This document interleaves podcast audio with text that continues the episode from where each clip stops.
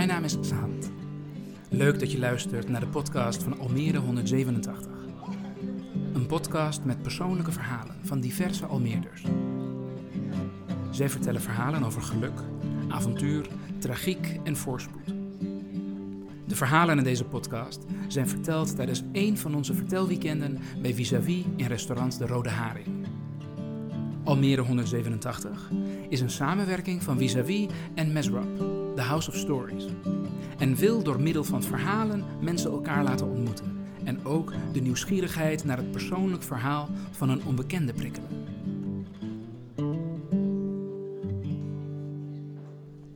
In deze aflevering vertelt Waldi van Kogelenberg zijn verhaal. Waldi is geboren in Suriname als Waldi Poniman di Porreggio. De naam van Kogelenberg is zijn adoptienaam. In het dagelijks leven is hij vooral te vinden in zijn atelier waar hij tekent, schildert en muziek maakt. De Javaanse cultuur waarin hij is opgevoed kent de traditie van de mondelinge overlevering, middels verhalen en liederen. Met zijn verhaal hoopt hij iets te kunnen meegeven van het magische gevoel wat hij als kleine jongen uit deze traditie haalde.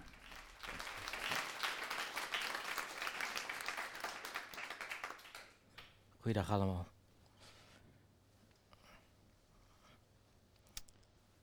In Amsterdam sta ik voor de winkel. Het is koud en het heeft gesneeuwd. In de etalage zijn mooie batik-kledingstukken geëtaleerd. Batik is een soort verftechniek uit het oosten.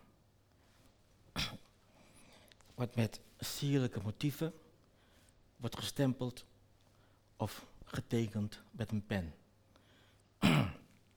Dit is hier een voorbeeld van, dit is batik. Ik ga naar binnen, doe de deur achter me dicht. En het is lekker warm, want het vast koud buiten. Ik kijk om me heen, ik zie allemaal mooie kleuren. En het ruikt naar wierook, naar was en nieuw textiel. De verkoopster is bezig achter de kassa. Dus ik kijk nog even om me heen.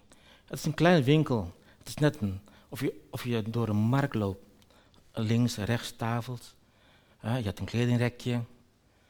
En al snel valt mijn oog op een paspop met een rode klambie. Een rode klambie. Een klambie is een blouse. Een vrouwelijke blouse. Een driekwart mouwen. Strakke taille. En wat dan zo over, los overloopt tot bij heupen. Ik heb ooit een keer een belofte gedaan over een rode en een jare. Een jare is, laten we zeggen, een soort luxe sarong. Ik denk dat de meeste van jullie weten wat een sarong is. Een sarong is een, is een lap van uh, batik, ja, die je dan om je middel doet. ik heb hier een jare. Een jare is, wat ik net vertelde, iets wat luxer is. Een sarong draag je gewoon alledaags, thuis, in je vrije tijd. En een jare, die draag je als je dan uitging. Ja, dus je doet het om je middel. En aan de voorkant ga je hem een beetje plooien. En dat sla je van binnen op naar buiten toe, zodat het goed vast zit.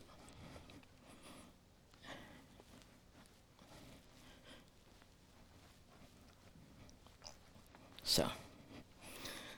Ik ben er niet zo behendig in, maar mijn oma wel.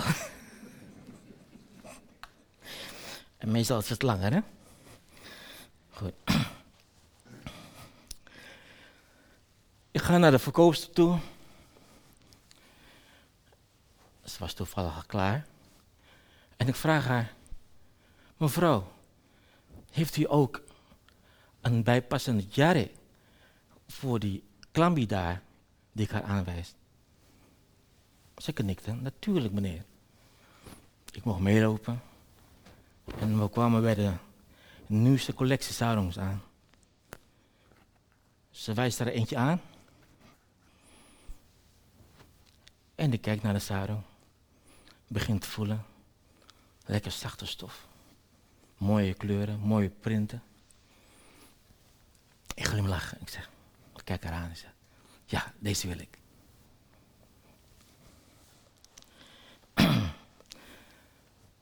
Toen ik baby was, tot mijn kleuterjaren, werd ik vaak opgevangen door mijn oma.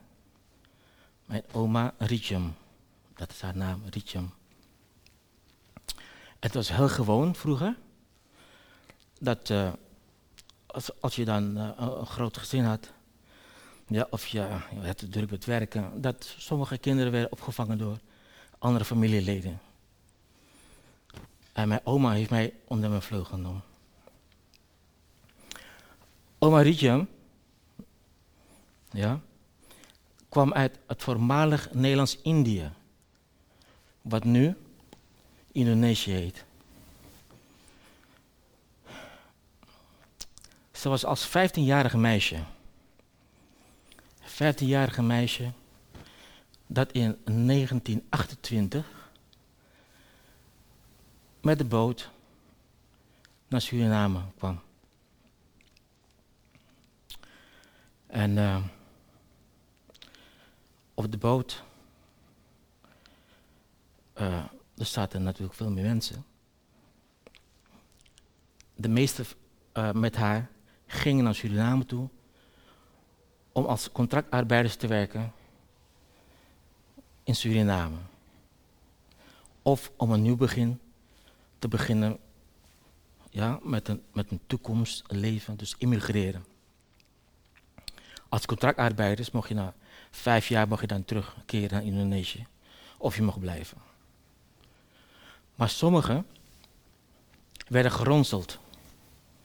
Ja, er werden echt mensen geronseld.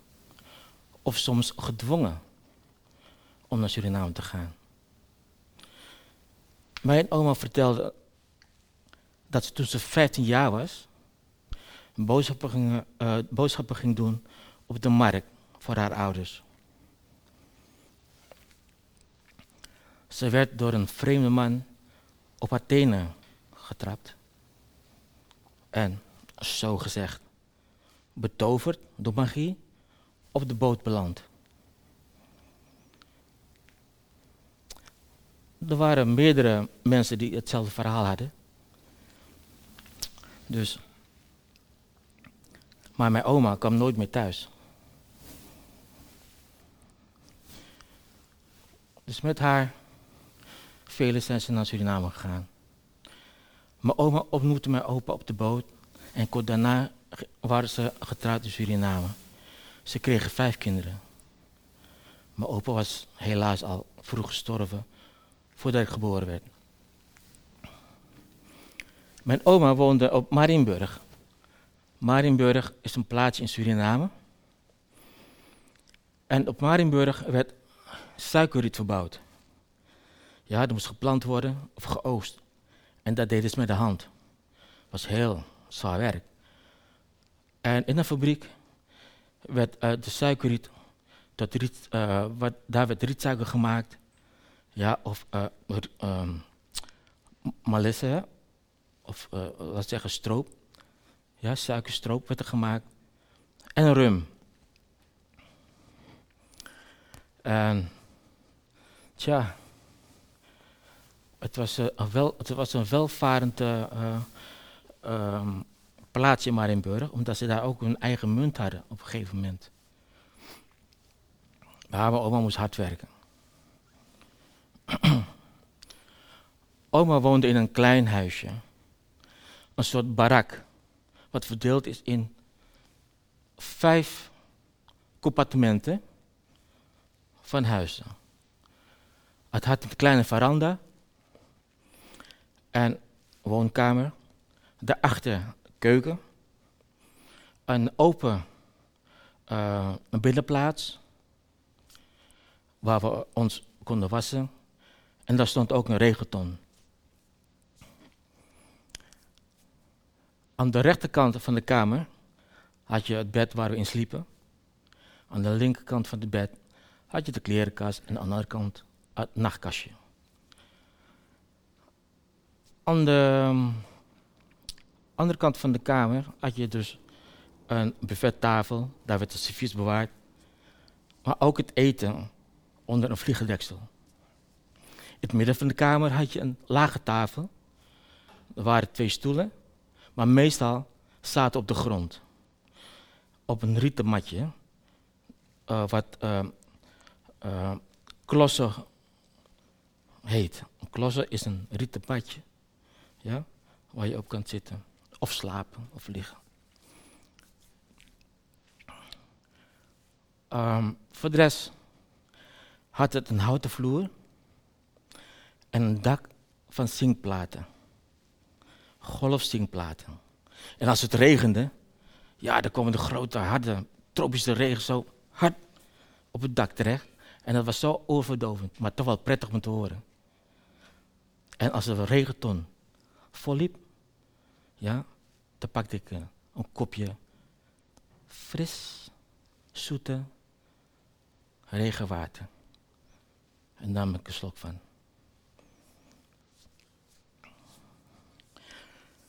Als oma ging koken, dan kookte ze op. Dan stookte ze een houten vuur.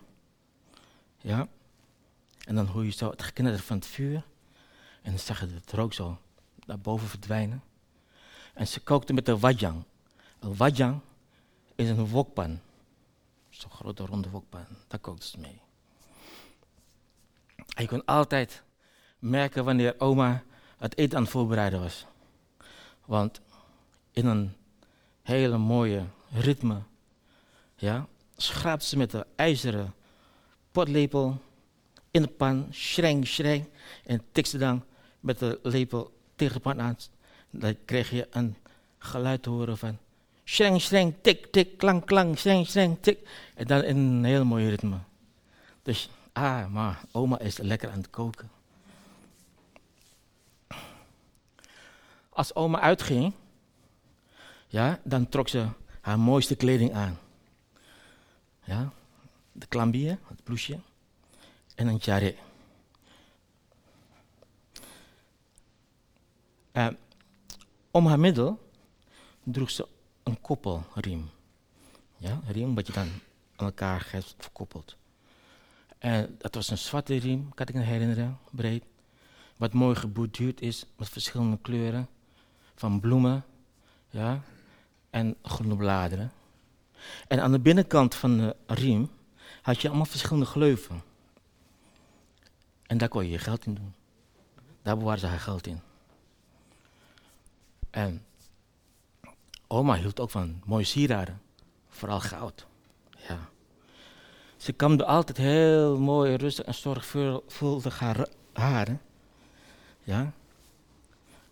En dan maakte ze een mooi knotje op haar achterhoofd. Ze doet het vast beter dan ik, want ik ben er niet zo handig in. En dan pin ze dat vast met een pin wat versierd is, wat versierd is met munten. Gouden munten, heel sierlijk. Ze had gouden oorknopjes en meestal een ketting met een grote muntstukje. Ja. Voor bij de klambi, bij de knopen, werd ook versierd met gouden munten. Dan trok ze dan haar zwarte schoentjes aan. Oma, oma Rietje, ja, heeft echt hard moeten werken.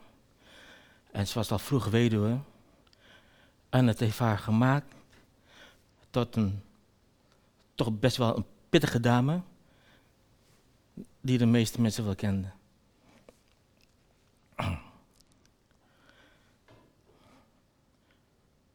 Oma, dan moet je geen ruzie mee hebben.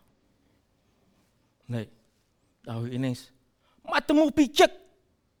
Dat betekent, zijn je ogen blind of zo? Of uh, dit. Rupa mukawiki. Dat betekent, hè, jouw gezicht is net als dit. En dan trok ze haar rok omhoog van voren. Een stukje om te laten zien wat ze bedoelde. Ja. Nou, oma is geen... Uh, daar moet je geen grappen mee maken. Enfin, dat was oma. Ja. Maar mijn oma had ook een zachte kant. Ja. En uh, als je goed was met haar, ja, als je haar goed met respect behandelde, ja, dan kreeg je ook respect terug. Ja, dan kon je met oma kon je dan lachen, grappen maken, gezellig eten met elkaar. Ja, en dan, en dan ving je af en toe een twinkel in haar ogen dat ze daar heel erg tevreden en blij is met het gezelschap. Ja, dat is oma. Oma nam me vaak overal mee toen ik klein was. Als, uh, als kleinkind droeg ze me eigenlijk op haar rug. En dan had ze een slendang. Een slendang is eigenlijk een smalle sarong. Ja, heel, van ongeveer drie meter. Dat doe je om je schouder heen. En dan bind je je kind. Ja, eigenlijk. Uh, dat draag je je kind van achter mee vast. En dan knoop je dat. En dan dan ging je met je, met je um, benen over haar heupen zo en dan hing je zo lekker. En, en elke beweging die ze maakte, dan ging je ook natuurlijk zo. Ja? Oma was, was, was echt een geweldige dame. Maar later nam ze mij bij de hand en dan gingen we dan vaak buurten. Ze hield van kaartspelen. En uh, naar een theater gaan of, of een bioscoop. En, maar vooral uh, met de kaart spelen, dat was ook zoiets. Als er dan uh, aan een verlies aan de hand was, dan kon je dat goed merken. Je weet hoe oma kan zijn, hè? Ja, dat was, dat was wel een, uh, een ding. Ja, dat was oma, oma Rietjem.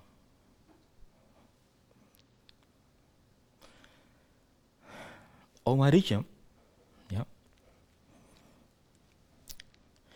die, uh, die kon op een gegeven moment niet meer uh, om mij te verzorgen, omdat ze een last had van de rug. Ja, en uh, gezondheid liet er een beetje ja, in de steek. Dus ik ging weer terug naar mijn biologische ouders. En die dan, dus, die dan in de stad woonden, in Paramaribo. En later daarna, uh, toen ik tien was, ging ik naar Nederland toe. Heel af en toe bezocht ik dan Omerietje, als we op vakantie waren, bezocht ik dan haar in Marienburg. Het is nu alweer een maand geleden dat ik de sarong en een klambi heb gekocht, dit jaar, de luxe sarong. Ik ben net geland op het vliegveld van Paramaribo. En als de vliegtuigdeuren open ging, dan voelde ik de, de, klimaat, het, het klamme klimaat voel ik dan. En ik stap naar buiten en ik snuif het pure zuurstof van een regenwoud. Het is al donker, het is avonds en ik uh, word opgehaald door mijn broer. Ik ga bij hem slapen die avond. En de volgende dag, als we opstaan, als ik me aangekleed heb, ik heb me heel erg uh, niks aangekleed, een witte blouse en een witte broek, groene gimpen. Die dag gaan wij naar Marienburg toe. En niemand weet dat we naar Marienburg gaan. Het is een reis van anderhalf uur. We komen op Marienburg aan. En ik zie oma al op de veranda zitten. Ze heeft niks door. Ik stap uit de auto. Neem mijn spullen mee. En mijn broer volgde mij. daar bij de veranda aangekomen. Zeg ik, klop, klop, klop. Sapakono. Betekent, wie is daar? Ik ben het, oma. Aku. Hoe heet je dan? Aku, Waldi. En ineens hoor ik haar. Oh Allah, Hoe gaat het, allemachtig kind? Hoe gaat het met jou? En ze staat op en loopt naar mij toe. Oh, het is zo lang geleden dat je er bent geweest. Eindelijk ben je er. Ze pakt mijn gezicht vast met beide handen. Druk haar neus tegen mijn wang. En snuift aan mijn huid. Dat was haar begroeting. Dat was haar kus. Ik omhelsde haar. Zeg, ja oma, eindelijk ben ik er. Het is lang geleden, dat weet ik, maar ik ben er. Kom zitten, kom zitten. En mijn broer kwam ook naar boven, werd ook begroet. En we zaten allemaal de veranda. Oma? Ja? Ik heb een cadeautje voor je. Wat is het dan? Ze kan dan goed Nederlands praten, maar zo. Opa toch? Van, wat is dat dan? Pak maar gauw open, oma. Dus.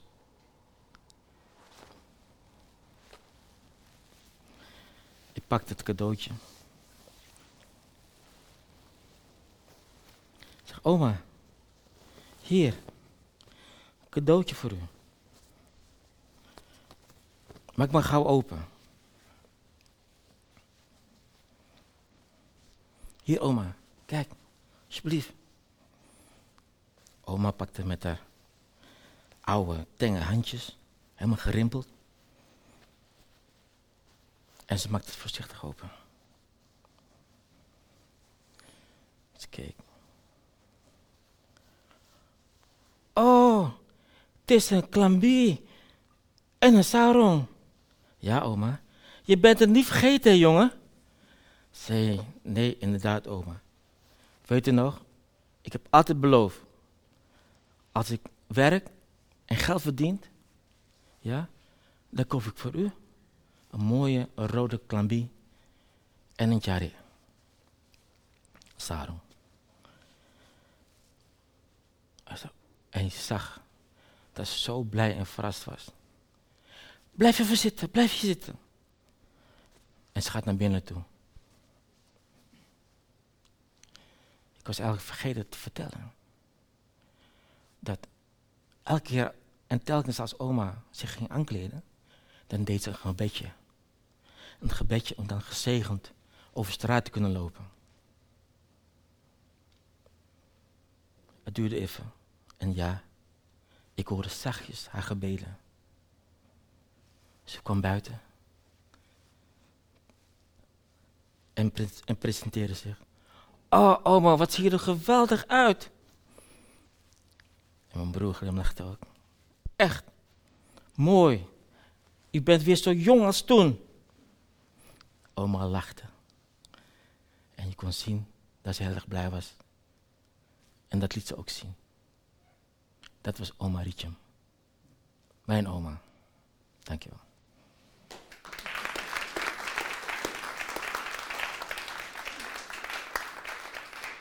Leuk dat je luisterde naar de podcast van Almere 187. Een samenwerking van Vis-a-vis en Mesra, The House of Stories. Mijn naam is Sahande Saheb Diwani, initiatiefnemer en artistiek verantwoordelijke van Mesrab.